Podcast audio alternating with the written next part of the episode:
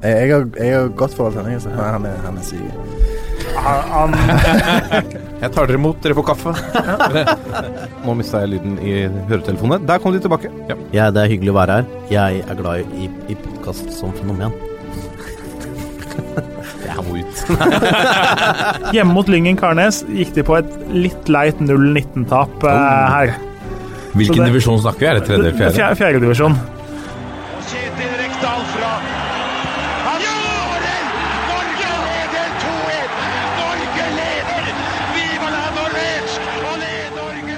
der er eh, toppfotball tilbake igjen. Denne gangen eh, i en eh, ny sommerspesial. I eh, frie omgivelser ute på Sankthansparken i eh, Oslo. Det er sol, fuglene kvitrer. og det kan medføre litt sånn ekstra deilig bakgrunnsstøy på denne episoden, men det håper vi at dere tåler. For, for anledningen så har vi henta inn en en motgangssupporter. Eidsvolls beste motgangssupporter. Eh, VG-journalist og breddefantast eh, Vegard Bakkhaug, velkommen. Takk for det. Åssen står det til? Jo, det er fint. Som du sier, eh, sol og sommer, så da koser jeg meg alltid i Oslo. Åssen går det på Eidsvoll?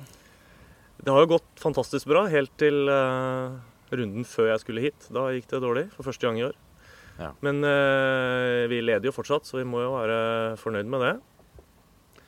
Og du har jo et uh, Du har et breddeengasjement. Du, du, når, når du og eh, Jørgen Kjernås, Anders Rosvold, Joakim Jonsson møtes, hva det, det, det er ofte lurt på. Dere er jo eh, en, en gjeng der som har eh, meget god peil på, på breddefotball-Norge. Hva er det som skjer da? Er det litt som Game of Thrones-nerder som møtes og bare spinner rundt hverandre? Eller åssen foregår det der? Jeg tipper hvis noen hadde overhørt dialogen, hadde nok syntes det var litt sånn sært og rart. Eh, vel ikke alle bor folk sitter og snakker om at de Jau 1919 overrasker, eller nå er det tungt i Valdres, liksom. Så Nei, det er nok kanskje litt sånn uh, sær nerdeprat, ja. Det er vel ikke så mange som deler den interessen vår så genuint som det vi gjør, da. Som følger med såpass tett hver eneste helg og, og er såpass engasjert i den breddefotballen. Det tror jeg vel egentlig ikke. Fordi du, du skriver jo VG, og når, når det er eh, Så har jo VG da hoppet etter eh, denne podkasten og, og tatt breddefotballen på alvor. Og, og begynt å, å stå for litt breddenyheter, annet. Ja. Og det er det ofte du som eh, skriver. Ja, det er jo blitt litt mitt eh, ansvar da, å holde i den breddefotballen i VG+. Uh, Ja, For det er en plussak. det er alltid pluss. Ja. Bredden må inn i det eksklusive selskap. Nydelig. Nei, jeg prøver å ha en sak i uka minst om eh, breddefotball. Uh, litt varierende hva. Noen ganger en slags oppsummering av runden, og noen ganger noen slags kåringer. Eh, men ca. én sak i uka. Så håper vi å da kunne få formidla det ut til nok folk til at det er forsvarlig å drive med også på sikt. Vi skal snakke mye mer med deg, Vegard. Nå er det rundens øyeblikk. Dette er toppfotball. Og Da er vi kommet til rundens øyeblikk. Og hvor skal vi nå? Skal vi til Eidsvoll, Vegard? Nei, så definitivt ikke denne runden her. For det gikk ikke så bra forrige runde. Det gikk veldig dårlig, for en gangs skyld. Nei, vi skal til uh, Mjøndalen og en veteran, Oliver Ocean, uh, 37 år, med et uh, akrobatisk eh, mål mot gamleklubben Odd. Det har jeg valgt som rundens øyeblikk. Litt morsomt med Ocean, som trappa ned i tredjedivisjonen, apropos bredden. Ble henta tilbake igjen, hjalp Mjøndalen opp. Blei med opp i Eliteserien, og så gjør han det der mot, mot gamleklubben i en veldig viktig 2-0-seier. Det var moro. Hva sier det om han som jeg, jeg tror det var flere enn oss som eh, sperra på øya da Vegard Hansen og, og Kenneth Carlsen henta inn han eh, rett fra tredjedivisjon. Hva, hva sier det om å ta steget og, og fullføre det steget opp i Eliteserien fra tredjedivisjon? Ja, der og da virka det litt som en litt sånn desperat eh, nødløsning. Kanskje en sånn fint å sette inn på slutten for å vinne litt hodedueller. eh, en type- Caritas-type. Ikke sant. Men han har jo faktisk spilt seg inn og er nå i elveren i Eliteserien. Eh, Det sier jo selvsagt veldig mye om Ocean, at han har holdt seg i god form og fortsatt er en bra fotballspiller. Og kanskje det også sier noe om at nivået på øverste, øverste hold ikke er så høyt som det burde være, når det er mulig å gjøre et sånt comeback og fortsatt prege øverste nivå i Norge. Men er det også et eksempel på at tredjedivisjon holder nå langt høyere nivå enn enn de gjorde før? Ja, nå var jo ikke Ocean veldig lenge i tredjedivisjon, det var vel et halvt år da. Jeg, Annendivisjon tror jeg holder mye høyere nivå enn før og er nærmere toppnivå enn det har vært kanskje noensinne. Trea er nok også bedre enn før, men eh, jeg tror ikke det er bare å plukke spillere i tredjedivisjonen som kan prege Eliteserien. Så høyt er ikke nivået der, etter min mening. Men eh, at du finner enkelte gode spillere i trea som kan gjøre en god jobb og kanskje også utvikle seg på sikt hvis de fanges opp tidsnok, det er jeg ikke i tvil om. Dette er toppfotball. Vi, eh, vi vet jo at du, du skriver i VG. Hva, hva driver du med ellers? da? Du er fortsatt eh, aktiv i Eidsvoll. Ja, eh, hjelper til litt med det som måtte trengs der. Har for så vidt ikke noen spesiell tittel, har ikke hatt noe stort ønske om det, men eh, Sjef i Eidsvoll står det på tittelen din. ja, det er litt flåsete, flåsete formulert. Men eh, jeg prøver å bidra med litt eh, det som trengs. Mye spillelogistikk, for så vidt, som er mye, mye min jobb, men det er jo en litt tung, tungt arbeid i tredjedivisjon. Det blir mye tidsbruk og lite resultat, men eh, det hender jo vi får til noe, så det er jo gøy de gangene det blir suksess. Men der får du bruk for oversikten inn i breddefotballen? Ja, det er jo litt det som er tanken. At jeg ser jo veldig mye og har ganske ålreit oversikt. Og det prøver jeg å benytte inn, inn mot den jobben i Eidsvoll, da. Så det hender jo man kommer over noe gull her og der som det er fint å selge inn. Og se om vi kan eh, prøve å få lurt opp til eh, landsbygda. Men er det mye å ser matcher? Ja, jeg gjør jo det. Ser vel tre-fire matcher i uka i snitt, kanskje. Live? Sånn i, ja, live. Ja. I Oslo, Oslo-området. Oslo og Romerike, stort sett. da.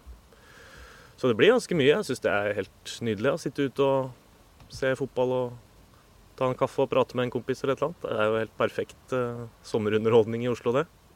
Hvordan lokker du eh, potensielle stjerner til eh, Eidsvoll, da? Nei, det, det er jo for så vidt ganske vrient, men vi prøver jo å selge inn det vi har å by på, da, av eh, det vi mener er bra med vår klubb. Og så er det jo en del som blir litt skremt av eh, avstanden. Mange syns det høres langt ut. Og da hjelper det å tegne og forklare litt og vise litt avstander og fortelle at hvis du står midt i Oslo sentrum, så er det Toget tar 32 minutter fra Oslo S til Eidsvoll. Og hvis du står på Karl Johan og skal til Oppsal eller Bøler eller Korsvoll, så tar det litt tid, det òg. Så det hender en del får en litt sånn Å ja, det er ikke lenger, nei, den, det svaret der. Så da, da hender det man klarer å lure noen litt over. Hvem er den seineste som du klarte å lure over, som du som, var eh, Som måtte jobbe litt med? I vinter, Vi henta en spiss fra Island i vinter. Han kommer via Raufoss, da, men han, eh, han er fra Island. Da snakker vi avstander. Da var det litt avstander. Han, eh, han flytta til Oslo. Endte opp på Grønland, faktisk. Litt sånn urban type, så jeg tror han passer veldig fint inn både på Grønland og i turn. Det er vel den siste vi liksom jobba litt med for å få, for å få inn. Han har uh, toppskårer og bidrar litt på juniorlaget som trener og har glidd uh, veldig fint inn. Suveren type. Men er han eh, proff i Eidsvoll? Nei. Har dere noen proffer? Nei, ingen nå. Det har vel kanskje vært et par opp igjennom, men det er lenge siden sist. Jeg er ikke i nærheten av det. Alle må jobbe eller studere, men de som bor i Oslo og Lillestrøm-området, sånn som bruker stort sett all fritid på å være på Eidsvoll, de får jo en liten kjøregodtgjørelse og sånne ting, men eh, det er ikke veldig, det er ikke noe du blir rik av. Ingen som, det er ingen som sitter hjemme og spiller PlayStation og drar på trening klokka fem, og det er det, nei. Det, det har vi ikke råd til. Men eh, det er sikkert mange som lurer på, fordi vi har snakket mye om at eh, laga i annendivisjon, kanskje typisk, eh, men, men også nedover i tredjedivisjon, trener like mye som Obos, Eliteserien, bare til andre tider. Hvordan, hvordan ser en typisk dag for en, for en spiller i Eidsvoll-turen ut? Nei, han er eh, tidlig oppe og på jobb, og så kanskje han må planlegge godt, ha med seg matpakke, ha med seg bag på jobb. Rekker kanskje å spise på jobben, går og tar toget opp til Eidsvoll. Så er det trening, er hjemme igjen. Når da snakker vi? Er stort sett er klokka seks, noen dager er klokka fem. Så er han kanskje hjemme igjen sånn ni, ni-halv ti på kvelden, og så er det på'n igjen med samme neste dag. Så det er ganske Jeg er imponert over hvor mange som bruker såpass mye tid på det der. Det må jeg si. Så det tyder jo på at de syns det er moro det de driver med, da. For det er jo det som driver dem, at det er gøy å, gøy å holde på, gode kompiser og moro når det går bra. Da føler man vel at man får litt igjen for det. Men de legger ned utrolig mye tid, så jeg er veldig imponert over det der. Fem dager i uka? Ja, normal uke for oss er trening fire ukedager og en kamp i helga, da. Så Ja. fem av sju dager er det aktivitet, da. Minst. Noen ganger seks. Spørs litt hvilken dag man har kamp. Det avgjør litt hvordan treningsuka ser ut. Men uh, fra mandag til fredag så er det fire aktiviteter og én fridag, stort sett. Du er jo selv, har jo sjøl mange kamper i beltet. Um, var bl.a. med å slå ut Sarpsborg Lotte av cupen i 2009. Ja, og Li, tror jeg. Det kommer vi tilbake til i lyttspørsmålet seinere, tror jeg. Men, Ja, jeg så det.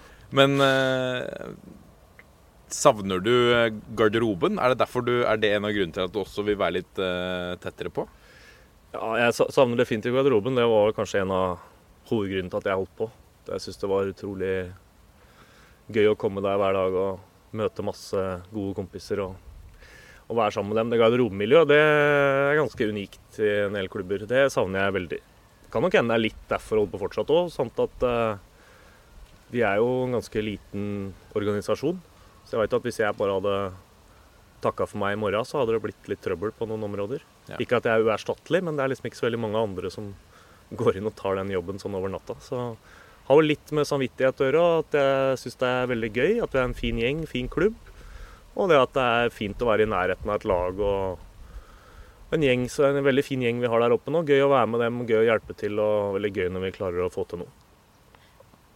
Hvordan var din egen karriere da i Eidsvoll? Eh, den eh, Jeg satt jo mye på benken, da. Så det var jo litt det miljøet og sånn som gjorde at jeg var med såpass lenge som jeg var. Men eh, jeg var ganske god når jeg spilte. For ikke, for jeg hadde en god eh, Når jeg først fikk sjansen, så var jeg ganske god. Litt sånn lat på trening, men eh, god i match. God når det gjaldt. La på trening og fikk ikke spille i kamp. Jeg har aldri skjønt det der. Nei. Jeg var best når det, best når det gjelder. Jeg visste, de visste at jeg kunne stole på meg. da. Hvis jeg fikk sjansen, så, så leverte jeg. Liksom, Turen har alltid betydd veldig mye for meg. da. Så når jeg først liksom sto der, så var det, da var det 110% Så da leverte jeg ganske bra. Men vi hadde, ganske mange, vi hadde flere andre bra keepere på den tida, så det var en tøff eh, konkurranse. Fortell litt om, om eh, bredde, breddefotballinteressen. Eh, hvordan oppsto den? Det var litt det jeg vokste opp med, egentlig. da. Ehm, Når jeg var, eh, Da snakker vi jo sånn tidlig 90-tall. Da var det jo ikke det var ikke sånn det er nå. Det var jo, Internett hadde vi ikke hørt om. og Det var kanskje tippekampen lørdag klokka fire, og det var det. Da var jo Jeg så Eidsvoll Turn i helgene, hjemmekamper og sånn. Så var det liksom det jeg vokste opp med. At det var liksom Det var fotballhøydepunktet i uka. da. Liksom Der jeg kom inn. Og da ble jeg liksom glad i den eh, breddefotballbiten sånn helt naturlig, uten at jeg tenkte noe over det på noe vis. Men det var liksom det som var litt tilbudet den gangen, da. Bortsett fra kanskje én match i uka og litt høydepunkter i Sportsrevyen, liksom. Så bare blei det egentlig bare sånn. Siden jeg har alltid vært litt sånn fascinert av det annen- og tredjedivisjon, og særlig annen, da. Så egentlig i gamle dager, som alt vi spilte i når jeg var aktiv. Syns det var eh, fascinerende gren, egentlig. grunn. Alltid, alltid bare vært sånn. Jeg har ikke noe bedre forklaring enn det. Er, er, du, eh, er du mer interessert i andredivisjon enn i Eliteserien, f.eks.? Nei, det er vel kanskje ikke det, men det er ikke Jeg ser jo mer annen og trea enn jeg ser eliteserie i fotball. Det gjør jo. Men jeg er veldig interessert i Eliteserien, veldig glad i Eliteserien. Og savner virkelig den tida hvor det var eh, Hvor det var eh, mer trøkk og engasjement rundt Eliteserien. Sånn midten av 2000-tallet med mye penger, og TV 2 var eh, utrolig på. Det var innslag fra to-tre forskjellige treninger hver dag på TV 2 Sporten og sånn. Jeg savner veldig den tida der. Mye tilskuere og et helt annet trøkk. Det syns jeg var skikkelig gøy. Da var Eliteserien veldig kul. Ligger litt mer nede nå, føler jeg dessverre. Men eh, vi får håpe det kan komme seg opp igjen. Det er jo hjelp i hvert fall å få store klubber fra store byer opp i toppen. Det tror jeg vil hjelpe mye. Hvem er det da du tenker på nå? Fredrikstad og Ja, det er bra for, for bra for Viking tilbake i, i toppen. Det er veldig bra. Så må vi ha Brann, Rosenborg, Vålerenga. Jeg tror det hjelper at de klubba der er gode. Hvis du ser på tabellen nå, så er det jo flere av de litt mindre klubba som hevder seg opp i toppen. Og Det er hyggelig nok, det, altså, men jeg tror ikke det hjelper til å få flere folk på tribunen. Du tenker litt med to, to hoder. På den ene sida så er du breddefotballens forsvarer, og kanskje de mindre byene. På den andre sida så vil du at de større får mer. Ja, sånn helt opp på toppen så føler jeg at vi må nesten må nesten dit skal det kunne bli det engasjementet rundt Eliteserien da, som jeg syns Eliteserien fortjener. Så er det veldig hyggelig med de små som gjør det bra. Men de små gjør det fortsatt bra hvis de er nummer ti. De trenger ikke å være nummer to. Nei. Hvem Årets breddesesong, hvor langt ned følger du egentlig av, av divisjonene? Eh, nei, det blir jo mest blir, Sånn som i år, så er det mest trea. Som jeg egentlig ser Det er det jeg ser mest, da. Live. Følger kanskje tettest. Eh, noe fjerdedivisjon innimellom, men det er ikke veldig mye. Litt grann i Oslo, litt på Romerike. Titte litt på noen Indre Østland-tabeller innimellom for å følge med litt der. Men det er ikke så veldig mye mer enn det. Så det blir mest eh, tredjedivisjon, noe annet og litt fjerde. Har du noe, Hva er de største overraskelsene eller, eller de største nyhetene fra, fra tredjedivisjon så langt eh, i denne sesongen? Hvis så jeg tar liksom det som eh, føler jeg er litt snakkisen for tida, så er det kanskje Lyn sin eh, nedtur. Eh, I hvert fall det supporterne mener er en nedtur. Jeg er ikke så overraska at de fikk litt trøbbel i år. Men uh, Ny trener og ja, han kjenner jeg godt, så jeg får ikke si noe gærent om han. Men uh, jeg så dem i vinter. Vi møtte dem med Eidsvoll-turens siste treningskampen før seriestart, og da så det ikke veldig bra ut. Jeg Jeg syns ikke laget så så bra ut heller, til å være med og kjempe helt der oppe om opprykk. Øvre halvdel lag har de definitivt, men eh, nå er de vel faktisk nærmere fjerdedivisjon enn andredivisjon akkurat per nå. Det er klart, Jeg skjønner jo at det er frustrerende for eh, de ganske engasjerte supporterne til Lyn. Ser det er mye rart på Twitter der etter, eh, etter de mange tapene den siste tida, så er det mye frustrasjon. Men Jeg eh, hører til og med at podkasten Vestland, Vestkanttribunalet er på vei til å legge ned nå. Ja, det er såpass, ja. Ja, nei, Det er mye frustrasjon uh, ute og går blant uh, Lyn-supporterne. Men hvis de hadde hoppa på opprykk i år, så tror jeg de har litt urealistiske forventninger. Men at de fortjener noe mer enn et båndlag i tredjedivisjon, det kan vi vel være enige om. Ja, For den avdelinga også er jo kanskje den tøffeste, eller? Ja, jeg vil tro det er den tøffeste. I hvert fall på papiret, sånn det så ut før sesongstart. Nå er det et par av de antatte topplagene som har skuffa en del, men eh, Vålerenga 2 er eh, veldig bra. Det er nok et av de tre-fire beste tredjedivisjonslagene. De stiller jo stort sett ganske ungt òg, med de veldig gode juniorene sine. Jeg syns det er et veldig godt lag. Mye imponerende talent i VIF. Hvem er eh, de største profilene vi har, da? I, hvis vi snakker litt nedover i, eh, i divisjonene. Annen, tredje, fjerde. Altså Du har jo sånne typer som Erik Huseklepp spiller vel fortsatt der. Ja, Huseklepp er jo i Fyllingsdalen. Nei, du har, eh, det er mange profiler. eh, Mye trenere, da, vil jeg si. Særlig annen har du jo typ sånn da Jan Derek Sørensen. Bjørn Johansen i Fredrikstad. Han har med seg Casey Wehrmann, som jo er en profil. Eh, eh, Magnus Powell Levanger. Ja, I Post Nord, ja. Ja, Mm. stemmer. Kent Bergersen i Kvikk Halden er i Post Nord. Eh, tja, Roar Strand er fortsatt aktiv i Melhus. Sammen med Robert Stene, den gamle Obos-storskåreren. Så er det et par i Gjøvik-Lyn. Rocky Lekai. Ja. Fortsatt der. Dag Alexander Olsen, som har vært i Valencia Legenden. Tottenham og, og litt sånn uh, diverse. Så er det jo en Hvor, som eh, Dag Alexander Olsen. Uh, Hvor godt kjenner du til han? Jeg husker jo delvis historien hans. Hva, hva, hva, skjedde med Dag Alexander Olsen? Tenker du på fø tidlig Dag Alexander hele, Olsen, eller hvor det gikk, hele, hele galt? For de som har glemt det, det er en historie verdt å, å ta opp igjen. Det var vel en speider og så han helt tilfeldig i en match for Gjøvik-Lyn. En av hans første kamper, tror jeg, når han var 17-18 år. Skåra han vel hat trick og bare blei plukka opp direkte av eh, Tottenham. Så var han vel jeg vet ikke om Han kom, han kom seg vel aldri inn i avstallen, men han var jo i Tottenham en periode. Var mye skada. Og så ble han jo henta til Valencia. Nesten like mirakuløst, i grunn. Der òg sleit han jo mye med skader. Men han, han har vel noen historier om at han trente med David Villa. og ble presen, jeg mener han ble presentert på pressekonferanse sammen med Edgar Davids. Ja, mulig Eller noe sånt noe i, Ja, det kan i hende. Spurs. Det er jeg ikke sikker på, men det, det, er ikke, det er ikke verst i så fall. Nei. Det er ikke så mange fra Gjøvik som har blitt det.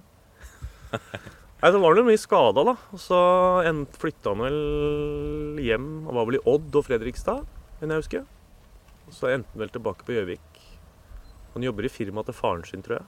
Ja. uten at jeg veit hva det er. Og så har han, eller om han er noen juniortrener og spiller på A-laget.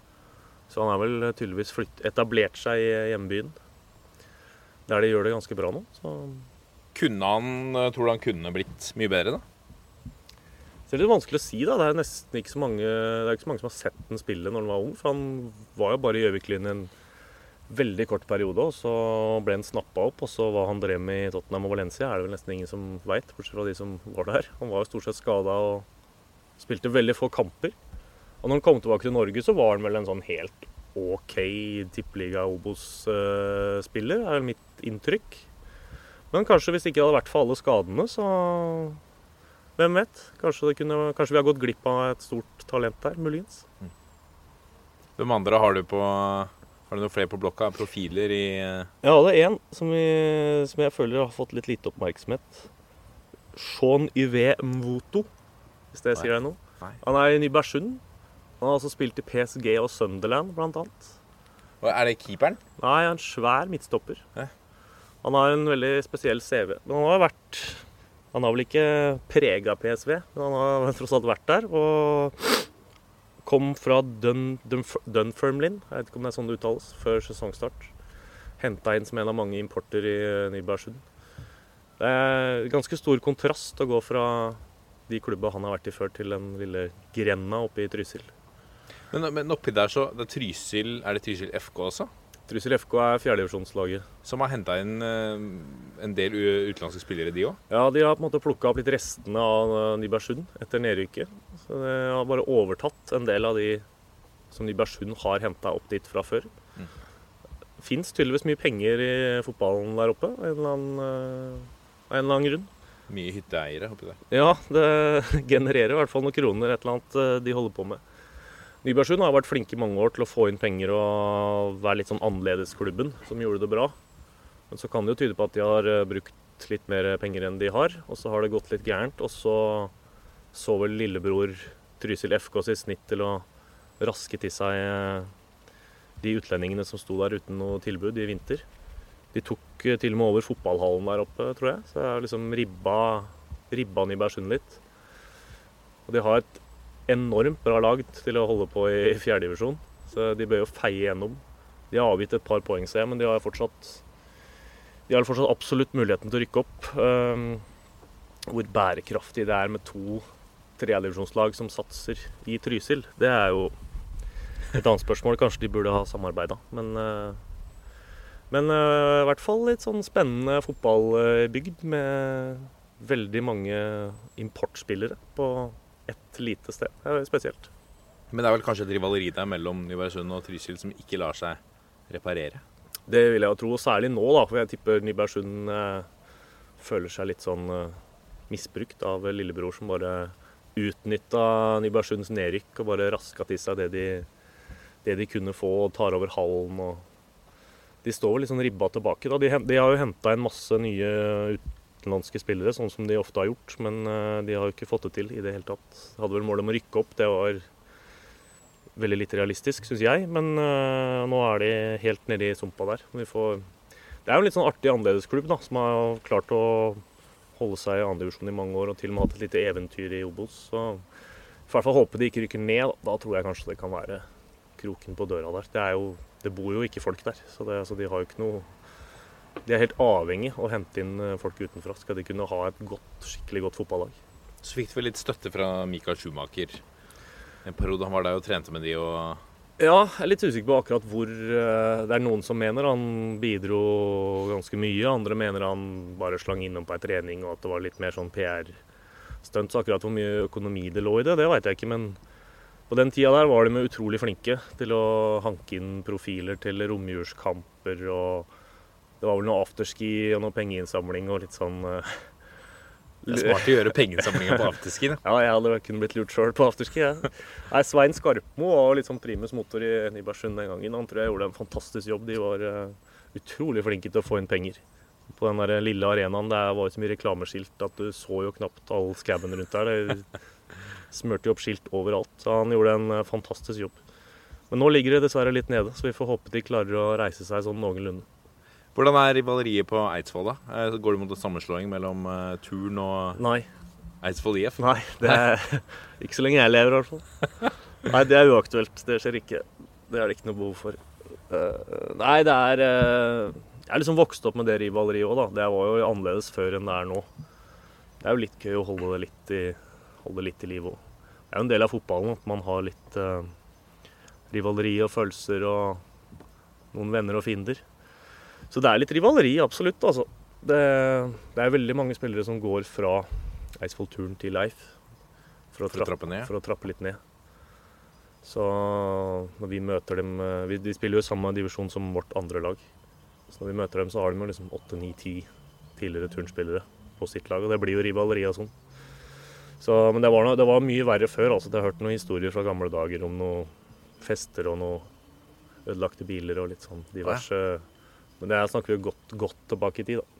Men det har vært noen stygge episoder? Ja, det var vel røffere før. Du hadde et tredje lag der òg, Bøhn, som eh, også var omtrent på det nivået en periode. Så hadde du tre ganske jevngode lag der. Så da, da var det visst en del episoder på bygda. Men eh, Har du noe eh, som du husker i Nei, detalj? som mer du vil- litt, nei, jeg husker ikke om det kan nevnes her òg. Men eh, nei, det var litt, litt sånn slåssing og sånn på lørdagskveldene. da. Litt sånne ting.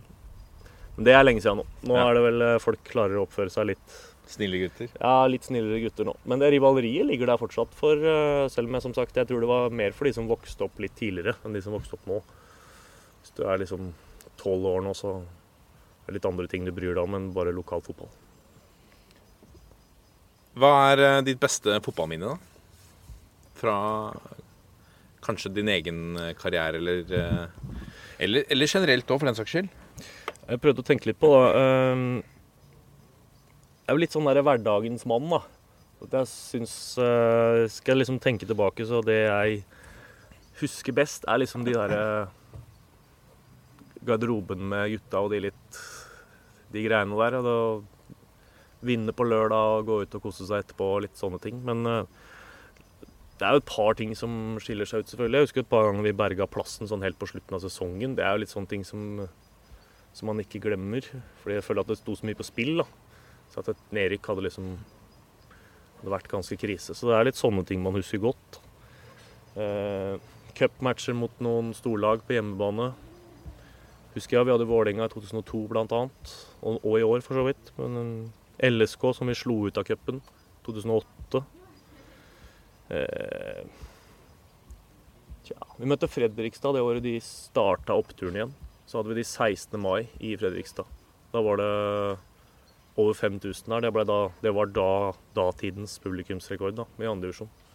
Gamle stad nye stadion? Gamle stadion. Ja. Den med åpne Veldig gamle stadion. Ja. Falleferdig stadion. Jeg tror det var 2002. Løpebane? Ja, det var kanskje det. Jeg mener, husker jeg ikke.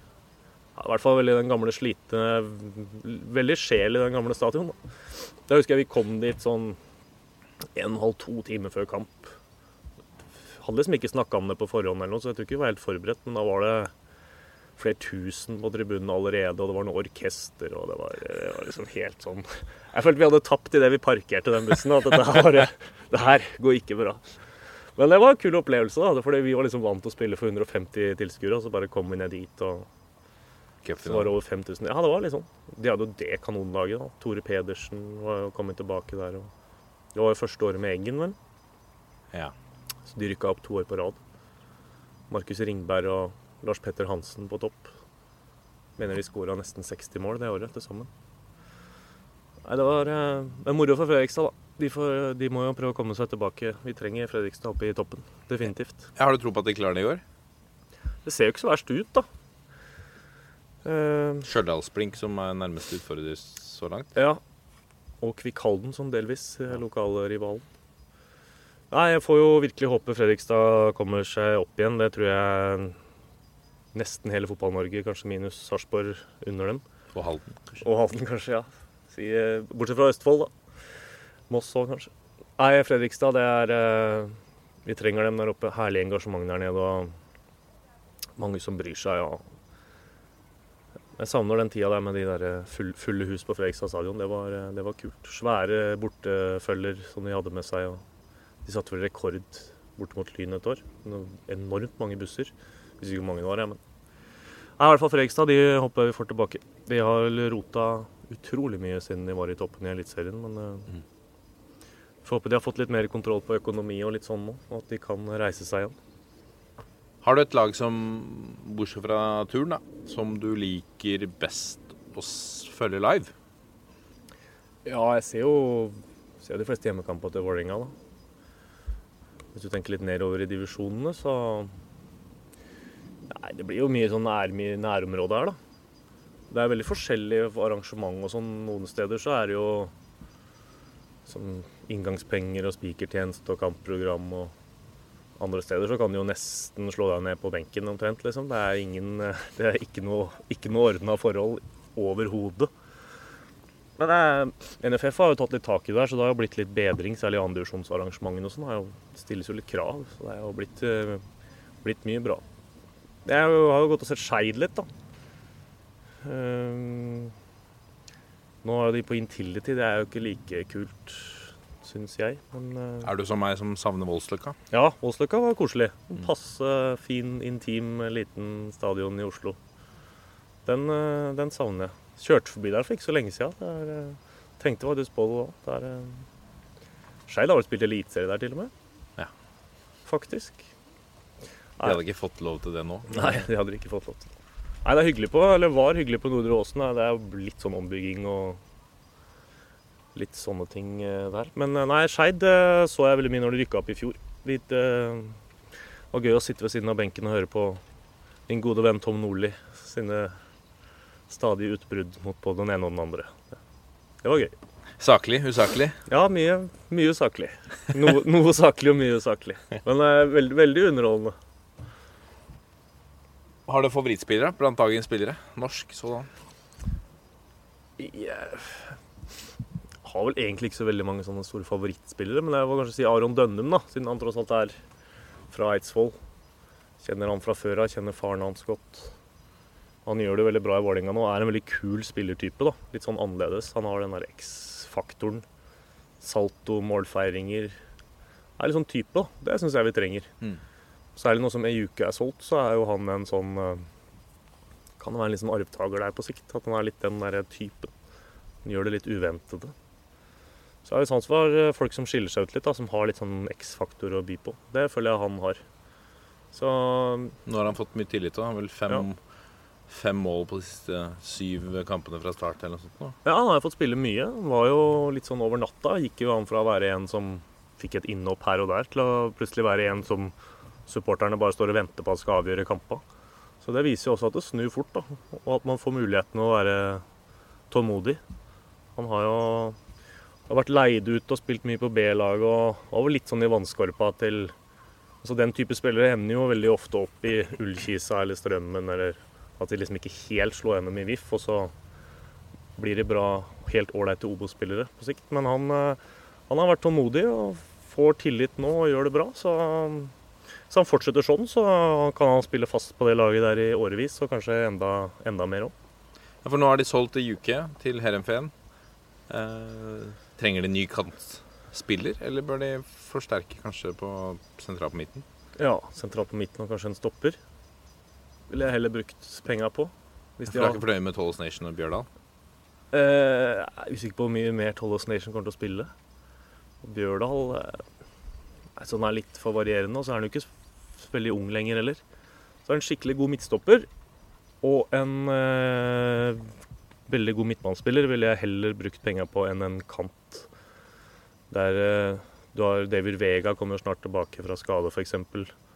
Dønnum kan spille der. Bård Finne. Bård Finne. Grødem er tilbake. Jeg ville heller, eh, heller lagt penga andre steder. Det er ikke så lett å erstatte Juke heller, for så vidt. Sånn, eh, som den typen han er, så er det vel strengt tatt umulig. Ja, Du har vel Vega som er nærmeste, kanskje? Ja. Og han har vært skada en stund, men han er, kan jo, han er vel ikke ute så veldig mye lenger, tror jeg. Så i hvert fall gi han sjansen først, før man eventuelt begynner å betale for en ny en. Hvis de får lov å bruke noen av de pengene på nye spillere, da. Det gjenstår vel å se om, de, om det går til å dekke noe underskudd og gjeld og diverse, eller, eller om sportslig avdeling får lov å forsyne seg av dem. Blant, eh, historisk, da? Favoritt blant norske spillere? Eh, når jeg var liten, så var det Erik Torstvedt. Det var liksom derfor jeg ble keeper, fordi jeg så Torstvedt og syntes han var, var kul og god. Så Torstvedt og Tottenham var liksom som ble når jeg var liten, da. Eh, men det har liksom dabba litt av med, med tida. Sånn som Myggen har jeg veldig sans for, da. Både, både som spiller og at han var litt sånn annerledes og litt bohem og tok seg en sigg og tok livet med ro. Det digga jeg. Så sånn historisk så er det kanskje de der, da. Ikke så veldig mye sånne norske sånn egentlig. Nei, Tors jeg var veldig liten, og så sklei det litt over til å bli, bli Myggen. Jeg har aldri vært noe sånn Solskjær United og sånn. Det Som, de, som veldig mange andre jeg vokste opp med, var. Aldri vært helt der. Hvem er den rareste eller merkeligste, morsomste fotballpersonligheten du har møtt, da? Eller gjerne flere. Enten Ja. som uh, yrke som journalist eller uh, i turn eller uh, på banen. Uh, ja Eh, Merkeligste Kanskje mest eh, engasjerte og eh, Overhodet ikke noe negativt å si om den, men, men Geir Frigård var jo som jeg spilte sammen med turn i ett og et halvt år, og som var trener der etterpå. Det var figur. Helt eh, utrolig type på alle mulige måter. Uh, så han kom inn i garderoben første treninga etter at han ble klar og bare prata med alle, tok mest plass, uh, skravla. Var helt, helt fantastisk. Eh, det ble helt sånn wow, det var kult at du byr såpass på deg sjøl, liksom, etter å ha trappa ned. Og så kom vi ut på feltet, og så er han rett og slett bare klin gæren. Rasende hele tida. Jeg har aldri fått så mye kjeft av noe annet menneske enn en Geir Frigård. Mutter'n er ikke i nærheten. Ble stort sett skjelt ut hver eneste trening. Men eh, jeg tror ikke det var noe vondt ment, men bare, han var så helt ufattelig engasjert i det han holdt på med. Eh, utrolig fascinerende å se på, egentlig. Liksom, han har vært med på så mye, og så klarer å være så engasjert i et treningsøkt under sånne dårlige forhold i januar på Eidsvoll. Det er så utrolig fascinerende. Det er sikkert derfor han har nådd såpass langt som han har òg, fordi han har eh, lagt så mye i det. Men han var helt eh, fantastisk å, å ha i gruppa, både på og utafor banen. Sjøl om det ble mye kjeft, da, så var det jo Du lærte deg å håndtere det etter hvert. da. Ta det på rett måte og svare svare den litt, så ble han litt satt ut. Nei, Så det var, eh, det var artig, artig tider. Kult at han gadd å bidra litt nedover i divisjonene før han eh, ble skada og måtte legge opp. Stor eh, karriere på Geir Frigård. Det er jo det. Var jo veldig god i Kongsvinger, så jeg, er ganske sikker på han var toppskårer i Østerrike under Brogland. Som, de to var jo gode venner og trente turen sammen etterpå. De to, faktisk. Skåra mot Hviterussland, som han jo nevnte hver gang han var full. som vi ikke fikk lov å glemme. Og så Ja, han fikk ikke så mange landskaper. Jeg tror han hadde fire-fem. Han skåra hjemme mot Hviterussland. da. Det ble jeg veldig glad, veldig glad i å påpeke det. Så jeg håper, jeg håper jeg får det spørsmålet på en quiz en gang. For det kommer jeg aldri til å glemme. Ja, og så var han jo bra i HamKam etter at han kom hjem. Han var god i Belgia og bra i HamKam. Og... Han skåra mot uh, Juventus. Ja, skåra mot Juventus på Ullevål fra veldig skrått hold. Runda vel Angelo Peruzzi, tror jeg, som sto i mål for Juventus. da. Vanvittig. Ja, Det var eh, Hva var det for Var det cupvinnercupen? Uefa-cupen? Ja, hva var det for noe? Nei, Kongsvinger vant jo ikke cupen, så det kan det ikke ha vært. Uefa-cupen sikkert, da. Mm. Tror det var med Brogeland, det òg, som jo er fra Eidsvoll. Så det var kult. De måtte jo spille på Ullevål fordi Hjemslund ikke var godkjent, sikkert. Vil jeg tro. Ja. Jeg husker i hvert fall målet. Jeg ser det for meg. Ernst Lersven som kommenterer. Nei, Så flytta jo Geir til Jessheim, og så var det litt sånn øh, Om han skulle til Kisa eller Turn. Sto liksom litt sånn på vippen. Så endte han opp i Turn, da, for da fikk han heltidsjobb som daglig leder. I tillegg som, til å spille. Jeg tror mange hadde litt inntrykk av han da som litt sånn Litt sånn brølape, litt sånn enkel type som var litt sånn Jøss, skal han virkelig være daglig leder? Men han gjorde en veldig god jobb der. Han er mye smartere enn det han kanskje, han kanskje virker som er, hvis det går an å si det. Han er ganske oppegående sånn tross alt. Så jeg har veldig sansen for han. Han er jo i eh, G19-EM nå med, i Armenia sammen med Gunnar Halle og har det laget der. Så han gjør det jo bra som trener òg. Hvis han har 10% av det engasjementet han hadde som spiller, så tror jeg de gutta får mye input fra Frigård borti Jerevan. Og så har jeg bedt deg sette opp din eh, fire norske fotballstjerners middag. Hvor eh, du inviterer tre stjerner i tillegg til deg sjøl. hvem ville du invitert, og hva ville du laga? Lage, det hadde jo ikke skjedd. Der har jeg jo ikke noe Bestilt, det. Ingenting å Hva ville du på. bestilt?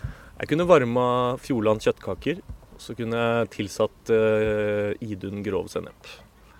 Det er det jeg kunne bydd på. Hvis jeg skulle gjort noe sjøl. Hvis ikke måtte det blitt Foodora. Eller et eller annet sånt. Nei, tenk litt på her, hvordan man skulle løse det. da, hva, Hvilke kriterier man skulle legge til grunn. Om man skulle liksom velge de som du veit hadde, blitt- hadde passa godt sammen, eller om uh, en er liksom fascinerende å høre på. Så har jeg liksom noen gode kompiser som hadde vært hyggelige, da, men de kan jo på en måte ha deg hver helg. Så det hadde, sånn Bernt Hulsker og de der tenkte jeg vi skulle liksom prøve å unngå, da.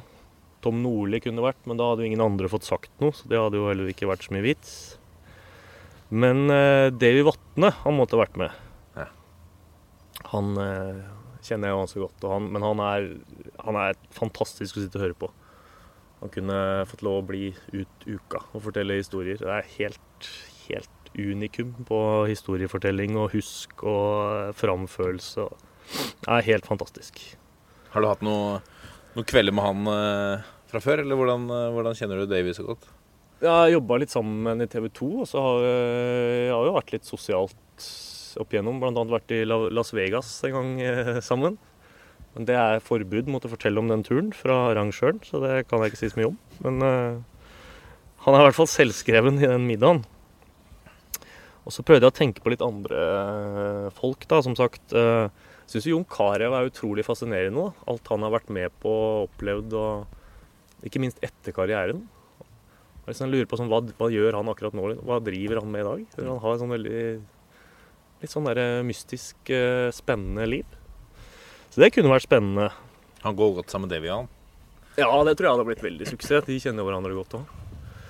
Så tenkte jeg litt på Ståle Solbakken, som jeg har også veldig sansen for. Jeg har jobba sammen med broren hans i mange år. Kjenner jo møtt Ståle litt sånn her og der. Han holdt bl.a. en tale i, et, uh, i en bursdag jeg var i før, før jul, som var helt fantastisk. Jeg tror han er uh, en mann i, eller i garderoben. tror jeg, sånn, Hvis du står og hører på han i fem minutter, så tror jeg du bare har lyst til å løpe ut og bare fly gjennom veggen for han. Helt fantastisk å høre på. Så tenkte jeg også på Martin Andresen, som, er, som bare har liksom forsvunnet fra fotballverden. har masse landskamper, Premier League, vært eh, manager i VIF, liksom gjort det meste. Og så bare over natta nesten bare skrudd av. Bare forsvant. Gjorde comeback i Sandefjord. Ja, lite comeback i Sandefjord. Men eh, du hører liksom aldri noe fra han, noe om han. Han er aldri en ekspert som uttaler seg i en sak. Liksom, det, er, det er ingenting. Så det er litt sånn spennende, spennende å høre litt hans eh, Han driver med en Skeidar. betraktninger. Ja, driver med Skeidar. Det går vel så det suser, tror jeg. Ja. Så han har vel kanskje nok med å, å drive der. Men litt sånn spennende å høre hva han hadde tenkt òg, for han har liksom blitt helt stille på han om fotball, fotball og hans meninger om det. Mm. Så tenkte jeg altså på Jon Fredriksen. Uh, Dette blir en svær middag. ja, dette er bare forslaget. Ja, ja. ja, det er nydelig, det. Ja. Jon Fredriksen, han er, Foreldrene hans er faktisk fra Eidsvoll. Så han bodde i Eidsvoll de første åra eh, av sitt liv. Han, eh, han er jo aktuell i form av at han var altså rollen som VIF-investor. da. Og må jo også ha levd et helt fantastisk eh, spennende, kult liv. Må jo ha mye å fortelle. Så det tenkte jeg på. Eh, det blir vanskelig å snevre inn her, da. Jim. Solbakken har en del Kan lage langbord. ja, ja, det blir ikke hjemme hos meg i så fall, men Pamanuka kjenner jeg litt. Han hadde, vært, han hadde blitt veldig underholdende å ha der. Fantastisk type. Pål Enger tenkte jeg på. Han er også, må jo også ha litt å fortelle. Kunne vært interessant. Så er det masse fotballeksperter som er veldig sansen for, som også kunne vært aktuelle. Men hvis man liksom skulle landa en trio, da, så si Davy, Carew, Jon Fredriksen, da. Det er eh, Der har det litt av hvert, ja. De hadde nok hatt litt krav til serveringa, da. Der hadde jeg jo svikta totalt. Men jeg tror ikke Jon Fredriksen spiser mye Fjordland, men, eh, men da kan du teste det òg. Dessert, da. Er det det òg? Ja. Eller det er kanskje ikke. Jeg er dårlig på dessert, altså. Sjokoladepudding, funker det? Sjokoladepudding med vaniljesaus. Helt nydelig. Dette er toppfotball. Og så har vi fått inn en, eh, en bra haug med lyttespørsmål, eh, Vegard. Litt både òg, så jeg. Litt eh, ymse kvalitet. Ja. Eh, men det tar vi. Ja da. Vi kan begynne med Jørgen eh, Kjernås, som sendte en eh, person til meg på chatten. Han vil gjerne Han lurer på hva er hemmeligheten bak julefeiringa i familien Bakkhaug. Er hemmelighet. Det er vel ikke med hemmelighet. Det er vel bare Det er litt små forhold, da. Det er meg og mutter'n og fatter'n som sitter der. Det er vel kort fortalt. ja, fordi han sikter til eh, Han sikter til Instagram, hvor du legger ut Ja. det samme bildet stort sett hvert år. Ja, eh, jeg regna for så vidt med det. Nei, Det har jo blitt en litt sånn tradisjon. Det, da. Det begynte med det i ett år, og så fikk litt oppmerksomhet. Og så følte jeg liksom at jeg måtte bjuda litt på, da. Og nå har det tatt litt av. da. I fjor så fikk jeg en SMS fra en jeg fortsatt ikke veit hvem er. Jeg søkte opp nummeret, fant ikke noe. Hun skrev sånn eh, 'Kommer julebildet snart'? Jeg er ikke, det blir ikke feiring her før bildet er ute eller noe. Jeg, så, jeg lurer fortsatt på hvem det er, men det er jo hyggelig at det engasjerer, da. Så da føler jeg at jeg må, må by litt på. Så er det noen som tror at jeg har samme bilde år etter år. At det liksom bare er eh, Men det er samme liksom, eh, komposisjon, altså det er samme Ja. oppstilling. Det skjer veldig lite hjemme der, så det er litt sånn Det er veldig enkelt å ta, eller å få det samme motivet hvert år, da.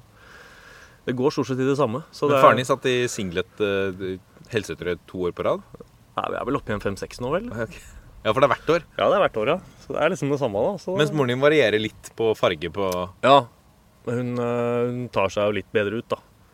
Hun har jo litt sånn folkeskikk og litt sånn. Men Fattern kjører veldig nedpå stil, også på julaften. Det er liksom ikke noen forskjell der om det er 4. mars eller 24.12. Det- Der kjører vi det samme. Nydelig. Vi må ta et eh, spørsmål fra uh, toppfotballvenn Øyvind Herrebrøden. Eh, han eh, lurer på eh, Stemmer det? Stemmer det at du sjekka ti matcher på 15 minutter da du jobba i Romerikes Blad? Det hørtes litt mye ut, men Jeg var, var eh, veldig kjapp på den eh, faktasjekk, som vi kalte det. Jeg vet ikke om alle skjønner hva det er, men det var jo kort og enkel kampfakta fra tre- og fjerde divisjon, som sto i Romerikes Blad i gamle dager. Skulle liksom ha stadion, målskårere med minutt, gule kort, eventuelle røde kort, dommer og tilskuertall. Det var en sånn faktasjekk. Jeg ble liksom kjent for at det var bra tempo på de der, da. Så det, det gikk unna der. Det gjorde det. Det var jo ofte da deadline og sånne ting. Fikk litt fart på sakene. Men 10 på 15, det hørtes litt voldsomt ut. Må nok, ja, nei, det hørtes litt voldsomt ut. Men øh, ja, det er riktig at det var bra tempo på det. ja. Så lurer jeg på også på eh, hva, hva du liker best med Simon Kjær. Eh, nei, nei, bunnsolid midtstopper. Nei, nei, jeg vet ikke om jeg kan øh, Jeg vet ikke om, jeg kan, det, om det er lov å si her. Jeg tror ikke det er lov å si. Ok. ja, vi har noe felles. Jeg skjønner. Jeg Det skjønner. er hyggelig. Topp tre dommere fra Eliteserien til tredjevisjon. Topp tre? Ja. Må svare, står det i parentes. Ja, Fins det? Nei, det, ble vrient. Eh, nei, kommer ikke på noen. Ingen. Gode dommere? Ja. Nei, Det er fordi det er lenge siden jeg har sett. Nei, det, nei, det, der må jeg melde pass. Morten Stokstad lurer på hva du har i kjøleskapet ditt. Ehm, ofte veldig lite. Um, akkurat nå tror jeg faktisk det er én sennep. Og det Grov? er det. Grov sennep? Ja, grov. Idun grov. Vanligvis ja, Det er jo litt overdrevet at det er så tungt i kjøleskapet, da. Men vanligvis har jeg ofte noe enkelt pålegg. Bare så at jeg får liksom komme i gang med dagen hjemmefra. Men akkurat nå var det tungt, så, jeg, så da Akkurat nå er det faktisk én sennep. Det er ikke kødd engang. Lokalfotballen lurer på hvorfor rykker ikke Eidsvoll-turen opp i år. Jeg så han hadde den litt negative inngangen på det der. Men mm. Nei, jeg tror og håper at vi gjør det. Så det må nesten være svaret på det. Hvorfor vi ikke gjør det. det. Vær så, vær som, Hvis eh, vi ikke gjør det, så er det vel fordi Lørenskog eh, kommer foran oss. Men jeg håper jo virkelig ikke det skjer. Føler at det er litt vår tur nå. da. Vi har vært nære lenge og vi har gjort en god jobb og fortjener det. Men eh, Lørenskog ser veldig bra ut, så det blir garantert eh, match hele veien inn her. Nå er det bare tre poeng òg. Det er jo stort sett vi to som eh, vinner hver helg der. Så vi har en match på Rolfsrud ganske tidlig i høst som fort kan bli ganske avgjørende. Så det blir gøy. Heinar lurer på har de boller på Myrer? Ja, Den er jo litt sånn intern, da, så jeg vet ikke hvor gøy det er, men uh, Nei, de har ikke det. Du- Har du en eh, kortversjon, da? På, eller langversjon? Nei, det fins ikke gøy for noen andre, tror jeg. Men øh, det er to sånne lokale, rare supportere som har vært der i alle år. Uh, Enegga tvillinger. Kliss like, sikkert 70 år. Som har vært på ja, må være 400-500 hjemmekamper. Så plutselig, helt ut av intet, så fikk han ene for seg at uh, måtte ha boller midt under en kamp. Så han liksom ble helt sånn Har de boller her? Som jo han veit godt at de ikke har, da. Så det er liksom bare det som var er det som er historien. To litt sånne figurer. Blakeren, en annen eh, toppfotballvenn, eh, han sier at eh, Bakkhaugen har gjort en strålende jobb i turn i mange år. Hvem er den beste signeringa han har gjort eller vært med på? Eh, hvis du tenker litt sånn profilert, som folk har hørt om og sånn, så blir det kanskje Arna Førsund. Mm. Som bodde på Kongsvinger og hadde, sto uten kontrakt etter at overgangsvinduet stengte, sånn mener jeg det var. Og da klarte vi å hente han til turen etter et par serierunder. 20, 2014, 2013, tror jeg kanskje det var. Mm. Det var en bra signering eh, for oss. Det er litt delte meninger om han. Han er ikke så populær på Hamar bl.a. Men i turn så var han eh, fantastisk eh, bidragsyter i garderoben. Miljøskaper. Glimrende midtstopper, ikke minst, på det nivået vi var på da. Så det var vel en sånn signering som jeg kan være litt sånn stolt av i, i ettertid. Det var gøy å få til. Ja, må nesten si Førsund. Hvordan var han med Han har jo vært i hos oss, jeg kjenner han godt. Uh, han hadde bl.a. Uh, tre fotballtrenere som hater han i, i Fire fotballstjerners middag. Han, han er glad i å, å fyre oppunder. Ja. Eh, hvordan gikk han overens med treneren i turen? Nei, det var veldig fint. Han var som sagt hos oss var han helt strålende. Han var, var sikkert flere som var litt spente på hvordan han kom til å være. Men han hadde med seg egen kaffetrakter i garderoben og installert. Og ja, litt sånn der, ble litt sånn midtpunkt i miljøet. da. Han er jo en, han er en spesiell type, sånn karakter. Men hos oss var det bare på, på godt. Det var uh, kjempeinntrykk av hele fyren. Han var uh, suveren både på og utafor banen. Han blei der litt for kort. Han var der fra han var omtrent ett kalenderår, og så dro han sommeren etter og flytta han hjem til Tønsberg. Som jeg tror han er fortsatt. Ja, han spilte i Ørn. Nei, Så han skulle vært der litt lenger. Det er vel det eneste minuset vi har med Førsund. Benjamin Sears lurer på topp tre grunner til ikke å like Eidsvoll IF. Der kan du få mange, i stedet motsetning til dommere. Nei, jeg vet ikke. Topp tre Skal vel ikke henge ut folk, Jo. henge ut folk jeg tross alt kommer til å måtte omgås i framtida. ikke folk, kanskje. Nei. Nei. Hva skal man si om det, da? Nei, det er bare hele pakka, altså. Jeg, fikser, jeg håndterer det ikke. Syns det er eh, Nei. Nei, Eif, det har liksom Jeg klarer ikke helt det. det vokste opp med at det er eh, store fienden. Men om det er noen sånn veldig gode grunner til det, det hvis jeg måtte argumentert for det, det er jeg litt usikker på. Men eh, nei. Det er viktig at ikke de rykker opp, så vi, vi må holde dem minst én divisjon unna. Det er viktig. Så er det Styrmann som eh, lurer på hvorfor er VG Live så ekstremt dårlig på lagoppstillinger og stats fra NM og toppserien. Senest i dag var det null og niks fra U19. Ja, det har jeg jo ingen anelse om. Langt utenfor mitt uh, område, men uh, Sjekk det opp. ja, jeg skal ta så, Jeg skal melde det videre, som det så fint heter. Ja, ja. Det skal jeg gjøre. Men jeg tror det er VG Live er mye av det er uh, kjøpte tjenester som kommer utenfra de lagoppstillingene og sånn. Så det er vel ikke alt VG rår over. Og den eh, G19-matchen blei forresten liva, så da må han lete litt, uh, lete litt bedre. For det så jeg sjøl at den blei, faktisk. Men at det mangler noen lagoppstillinger og sånn, eh, her og der. Det tviler jeg ikke på. Men eh, det er som sagt ikke noe jeg styrer med. Men jeg skal, skal ta det videre. Pål Tømmerholt lurer på mest, eventuelt minst fortjente kort for dommerutskjelling fra sidelinja. Ja, han var jo keeper i turen når jeg var der. Eh, jeg skjønner jo hva han sikter til. Eh, Det var faktisk turen Ørn for mange år siden. Ja. Eh, Så var Aftenposten der for å lage en reportasje på Bente Skogvang, hvis du husker hun. Kvinnelig dommer. Som var litt sånn Var kanskje den beste kvinnelige dommeren på den tida. da Skulle liksom få sjansen i en herrekamp. da Skulle liksom være en gladsak. Endte jo med utskjell og skriking, og det var ikke bra. Blant annet fra meg, da. Og jeg var, jeg var på tribunen. Kom med et litt mindre heldig utrop mot da Bente Skogvang, som de fleste fikk med seg. Så jeg fikk jo pris på avslutningsturen i året da for utropet mot da stakkars Bente. Så ja, det var kanskje ikke så veldig pent. Men uh, hun var sikkert dårlig da, vil jeg tro. Som jo mange dommere er. De fleste, har jeg skjønt. Ja, de fleste. Mye, mye dårlig. Sigurd Ertsjås, er det en annen eh, tidligere turnspiller? Nei. Jo, Det er det. Tidligere turn og HamKam.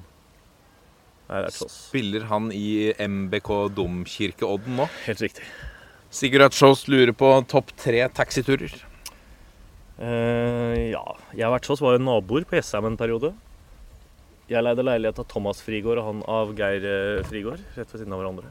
Så det blei jo noen taxiturer til diverse sosiale sammenkomster. Eh, jeg klarer ikke å komme med noe topp tre, men jeg skjønner jo hva han tenker på. Det var jo veldig dårlig humor, men den gangen var det litt sånn eh, Det gikk litt for seg, disse taxiene. da. Det var litt uh, utagerende, mye støy og ja, Jeg vet ikke helt hvor mye jeg kan fortelle om det heller, altså. Men uh, jeg skjønner jo hva han sikter til. Men noe topp tre, det klarer jeg ikke å komme med. Jeg var vel, var vel ikke tilregnelig på alle turene heller, vil jeg tro. Så, men det var en del action i de taxiene på den tida, det var det. Hva slags type action? Kategori? kategori? Veldig voldsomt. Eh, Det var mye av Ikke nødvendigvis av meg, men det var litt en inn en periode å kle av seg. Ja. I, særlig hvis det var såkalt nakentaxi? Ja, hvis det var særlig hvis det var maxitaxi, at det var litt romslig, da. Mm. Jeg husker en som turna i den derre Du ser for deg den derre tak, eh, takluka som du kan løfte opp, så har du sånn stang. Som brukte en sånn turnstang, da. Naken.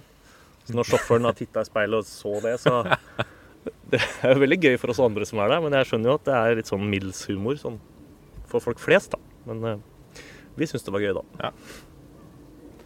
Jeg syns det var gøy sjøl. Ja, bra. Uh, Daniel Vassbund lurer på topp tre sennep. uh, Idun Grov i den derre glasset i glasset. Den er god. Idun Bodsennep i den gule flaska. Det er egentlig de to som skiller seg litt ut. Også til nød den derre slottskrukka. Å, ja. Den er gul og rød. Tror Slottssennep, tror jeg det heter. Du er en sennepsmann. Jeg er glad i sennep. Ja. Det, veldig, det høres jo nesten ut som jeg er sånn sykelig opptatt av det, da, men, eh, men eh, Jo, nei, sennep er godt. Amund Berge sier i 2009 var Bakkhaug med på å eh, prege cupen. Han sendte Sarpsborg ut av cupen på egen hånd. Kan han fortelle om denne bragden? Ja, det kan vi snakke lenge om. Nei, Det var vel kanskje ikke på egen hånd, men eh, det har blitt en sånn grei ettertid. eh, Sånn humoruttrykk, da. Dette med å prege cupen. Men vi slo jo ut Sarpsborg, da. Det gjorde vi faktisk på bortebane. Da var jo ikke Sarpsborg holdt på å si så gode som de er nå. Nå er de ikke så gode, da. Men eh, de var jo på nivå to. Men det var jo, de skulle jo opp, og de så vel på matchen mot oss som walkover. Sparte litt spillere og sånn. Så klarte vi å vinne 3-2 der nede etter eh, ekstraomganger. Fantastisk morsom kamp, i grunnen. Martin Wiik spilte, husker Ja. jeg. De hadde fortsatt et bra lag. Kjell André Thu spilte på Han hadde akkurat gått fra turn til Sarpsborg. Stemmer. Eh, og han òg var litt sånn eh, breial. og var liksom, de skulle bare spasere seg videre i cupen. Så klarte vi å vinne 3-2 der nede. Skåra helt på slutten av ekstraomgangen, husker jeg. Det var fantastisk moro. Det er vel en av de største sånn bragdene jeg har vært med på som spiller. Det har liksom blitt en greie etterpå, da, det med pregecupen. jeg vet ikke om vi prega cupen så mye, men kom oss til tre runder i hvert fall. da, Så, var det, så suste vi ut. Men det ble noen kroner i kassa og litt sånn, så var det fint, det. Quadrofenia lurer på beste eidsvolling noensinne. i eh, HamKam. Ja, han foreslo vel Bjørnevik eller Kristoffersen, tror jeg. Stemmer. Eh, tror vel ikke det er riktig at det er noen av dem. Jeg tror vi må litt lenger tilbake i tid. Jeg følte det var snakk om noe Tom Fodstad og Tom Fodstad er vel kanskje mest uh, naturlig å si ja. Du har et par andre der, og Heine Jensen var bunnsolid i HamKam i mange år. Cato Strømberg har spilt der, og Hallgeir Finnbråten. Siste åra Aron Dønnum var innom der, Martin Trøen har vært der på lån. Men nei, det blir nok til Tom Fotstad, ja. Helt, jeg har jo ikke sett han så mye sjøl, men jeg har både lest og hørt men, og sett statistikker. Han var jo en veldig sånn naturlig målskårer. Skåra på alt som var. Bidra til å skyte Stabæk oppover i divisjonen. og som sånn, alt, alltid skåra mye mål, da, uansett hvor han er. Så jeg må kanskje si eh, Fotstad, som vel nå jobber i NFF med et eller annet, uten at jeg helt veit hva. Noen. Marked, tror jeg. Marked, ja. Brede Cissar. Lurer på om du eh, tør å bruke el-sparkesyklene i Oslo sentrum. Jeg brukte en på vei hit, faktisk. Gikk det bra? Ja, jeg, ingen uh, varige men, tror jeg. Det gikk fint, det. Han uh, mener jo, da, og har observert meg litt sånn livredd på en sparkesykkel ned en eh, bakke her tidligere i vår. Jeg syns kanskje litt noe overdrevet, eh, sånn jeg husker det, men eh, Du var engstelig. Ja, Det gikk unna, det gjorde det. altså. Men at, kan, at det kan ha sett så ille ut, det syns jeg var nesten litt gærent å høre. Så jeg får prøve å jeg må prøve å skape meg en litt mer sånn laidback stil på de sparkesyklene. kanskje. Det er vanskelig, vet du. Ja, det er litt mye å tenke på. Altså, jeg synes ofte bremsene er litt sånn middels.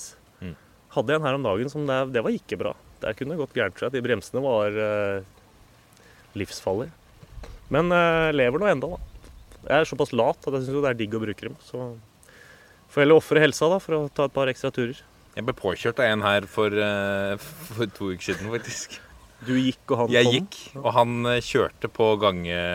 eh, ja, Kompisen kjørte forbi på sykkelfeltet, mens han meide meg nesten ned på, på, på gangfeltet ved siden av. da. Ok, Det var, og han var veldig lite ydmyk òg. ja, Det er hyggelig. Så var det sånn Å ja, sorry.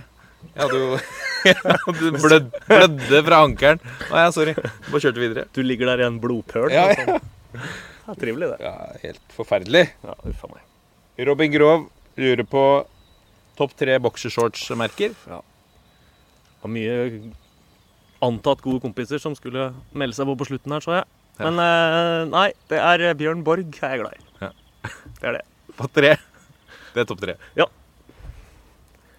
Pierre Robert? Er du en Pierre Robert-mann? i- Nei. Nei, aldri. Nei, Bjør, trofast mot Ja. Bjørn. Lojal. For du er en lojal type. Ja, det vil jeg si. Mats Kopland. Topp fem utesteder i Oslo. Alle varianter. Ja. Um, jeg må nesten velge der jeg er mest, da. Ja. Egentlig. Det er jo litt sånn Det er jo litt trist å ramse det opp, egentlig. Men uh, Bohemen er jeg jo veldig glad i, da. Det er vel der jeg sannsynligvis legger igjen mest kroner i løpet av året, tenker jeg. Det er jo en fantastisk fotballpub, da. Kjenner mange som jobber der, og mange som vanker der. Og... Så det må jo være en slags Det er jo kanskje ikke noe utested sånn sett, men eh, de har jo Vi får ta st- steder med skjenkebevilgning, da. Så er det Bohemen. Og så må jeg si Per på hjørnet. For det er liksom puben min på vei hjem fra byen. da. Så jeg går liksom alltid innom der. Der og kjenner de som jobber der, to fantastiske typer. Så blir det liksom alltid en siste en der da, før man går hjem. Det er alltid den veldig lure å få i seg den som gjør at du har det helt forferdelig neste dag. Eh, Så bør jeg kanskje si Eilefs landhandleri. Nydelig. Der jeg var, var, var veldig mye der før. Ikke så mye nå, men jeg var liksom vi jeg flytta til Oslo og sånt, så var det Det var på en måte sånn Eidsvoll i Oslo, hvis du skjønner. Ja. Det var litt sånn der bygd øh, Du kjente deg igjen i litt den rølpen, da. Mm. Var liksom oppå bordet og litt allsang til Alt for Norge og litt de greiene der. Så det må nesten si Eilefs. Og det er jo innafor ti meter radius alt dette her, da, men Mulligans, en ny irsk pub nede i sentrum der, veldig, veldig hyggelig livemusikk eh, hver dag. Sånn irsk eh, trubadur. Står og spiller. Fantastisk, og, fantastisk stemning. Anbefales. Så må jeg ta med Lavvo, da. Lavvo ute på sommeren, som jo er en, eh, en favoritt. Eh, kanskje litt mer før, før hele Østlandet oppdaga det. Men eh, første åra der ute, ute Altså, du, fordelen med det er jo at du kan være ute. Det er jo det jeg digger. Så når det er fint vær, de første åra var det helt nydelig. Nå er det nesten for mye folk, men uh, i 20-25-30 grader så er det jævlig deilig å sitte der. Så det får bli de fem, da. Vakkert videre. Folk er glad i topp eh, topp tre, topp fem-spørsmål. Altså. Espen Solbakken, en gammel kollega fra TV 2, lurer på topp tre historier fra lørdagsvaktene.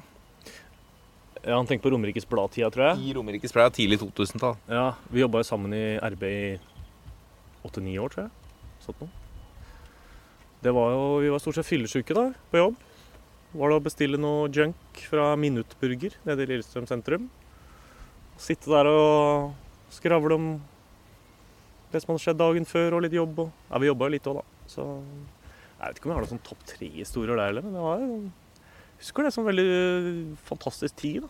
Bra miljø, fine gutter og Mediebransjen var jo ganske annerledes da. Nei, Det var fantastisk moro den tida i Romerikes Blad. Det, det må jeg si. Jeg kom litt inn der fra intet og bare fikk tillit. Og... Nei, det var utrolig moro. Veldig bra folk som jeg fortsatt har mye kontakt med i dag. Så Sitte der litt fyllesjuk i helgene med noe drittmat og få unna faktasjekken, det var, eh, det var moro. Jon Strøm lurer på hvor mange kamper i 2. og 3. divisjon ser du i året? Og så vil han høre topp fem legender i turn. Uh, Tja, hvor mange kan det være? Si fire uker i snitt, da. Jeg er veldig dårlig i matte. Det er for 200 matcher. da. Ja, Det blir kanskje så mye? Ja, det er ikke tolv måneder, da. Det er fire i uka. Ja, men det er jo ikke, gå- det er jo ikke lokalfotball i 52 uker. Nei, det er sant. Si 40, at det er 40, 40 da. Hvor mange, hvor mange uker kan det være? 45? Ja. Sju uker pause. 150, da. Ja, noe sånt. Noe rundt der, kanskje? Mm. Ja, da blir det det. Eh, topp fem legender, det var mye, da. Men fort gjort å glemme noe nå. Det er Lars Helge Hoel. Fantastisk fyr. Eh, midtpunkt sosialt. Eh, også nesten 300 kamper for turn. Terje Røsrud, samme midtstopper.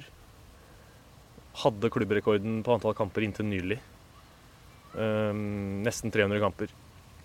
Uten å være interessert i fotball i hele tatt, ifølge Geir Frigård. Så det er jo en prestasjon. Uh, Are Hogstad, som nå er uh, med rundt landslaget. Fantastisk lagkamerat på den tida. Også en jeg prater mye med i dag. Broren hans Vegard var jo trener i mange år mens vi var i andredivisjon. Jeg, me, jeg mener jeg leste et eller annet sted at du har sagt at Are Hogstad, en nydelig fyr av banen, forandra total personlighet på. Ja, det gjorde han jo. Han ble helt svart i øya bare vi rusla utpå. Var Han ja, han ble helt, ble helt annen, annen person. Det var et aggresjon der som jeg liksom aldri har sett verken før eller siden. Jeg, var eh, Jeg tror han la så mye i det. Altså at han bare gikk inn i en sånn helt syk boble. Men uh, gøy å være vitne til. Var fantastisk engasjement. Eh, Han kunne jo ikke spilt fotball i dag. Nå er det nesten ikke lov å takle mer. På den tida der var det jo lov å takle. Det var jo deilige, susende taklinger fra han. Han var liksom kjent for det. I dag hadde han jo hatt karantene konstant. Hadde ikke hatt sjans. Så han ga seg i tide. da. Hvis vi tar med han og broren, så er vi oppe i fire, da. Da Jon Erik Økland, dagens kaptein. Han har nå flest kamper i turn Ja. gjennom tidene. Lojal klubbspiller. Fantastisk spillerforståelse. Kunne spilt høyere hvis han ville, men han har vært lojal hele veien. Så flest kamper og flest mål for turn gjennom tiden. Sterkt. Lokal gutt. Det er moro. Runde av med et spørsmål fra Lars eh, Hulleberg. Er det nesten så han håper Eidsvoll-turen ikke går opp, så han eh, eh, for å få et møte med Trysil i 2020? Hvis vi kan få serieåpningen borte andre påskedag garantert, så kunne det vært Kunne jeg kanskje ofra et opprykk for det. Oi. Neida, det Rett fra afterskin der, og så rett ned i Nei, det blir å ta i. Men jeg jeg har jo vært veldig mye afterskin i Trysil. Syns det er fantastisk moro. Vi har vært en ganske svær gjeng der i ganske mange år. Så igjen, jeg skjønner jo hva han sikter til. Vi har kost oss mye der oppe. Men det går an å dra dit sjøl om vi ikke har kamp der òg. Det er sant. Det har vi sikkert gjort. Det har vi gjort veldig ofte, ja. Ja. Kost oss mye der. Vegard, dette har vært uh, veldig hyggelig. Helt enig. Skulle gjerne ønske at det kom litt servering her snart. Men Ja, eh, det hadde vært fint. tusen hjertelig takk for at du kom. Veldig hyggelig å få være med. Og så ønsker jeg Eidsvoll-turen eh, lykke til i resten av sesongen. Tusen takk for det. Vi er eh, Toppfotball på Facebook, Twitter og Instagram. Gå gjerne inn og legg inn en rating, så blir vi veldig fornøyd. Eh, Eller send oss en mail på toppfotball at 451.no. Så må vi avslutte på 1, 2, 3. Vi er en gjeng. Ha det!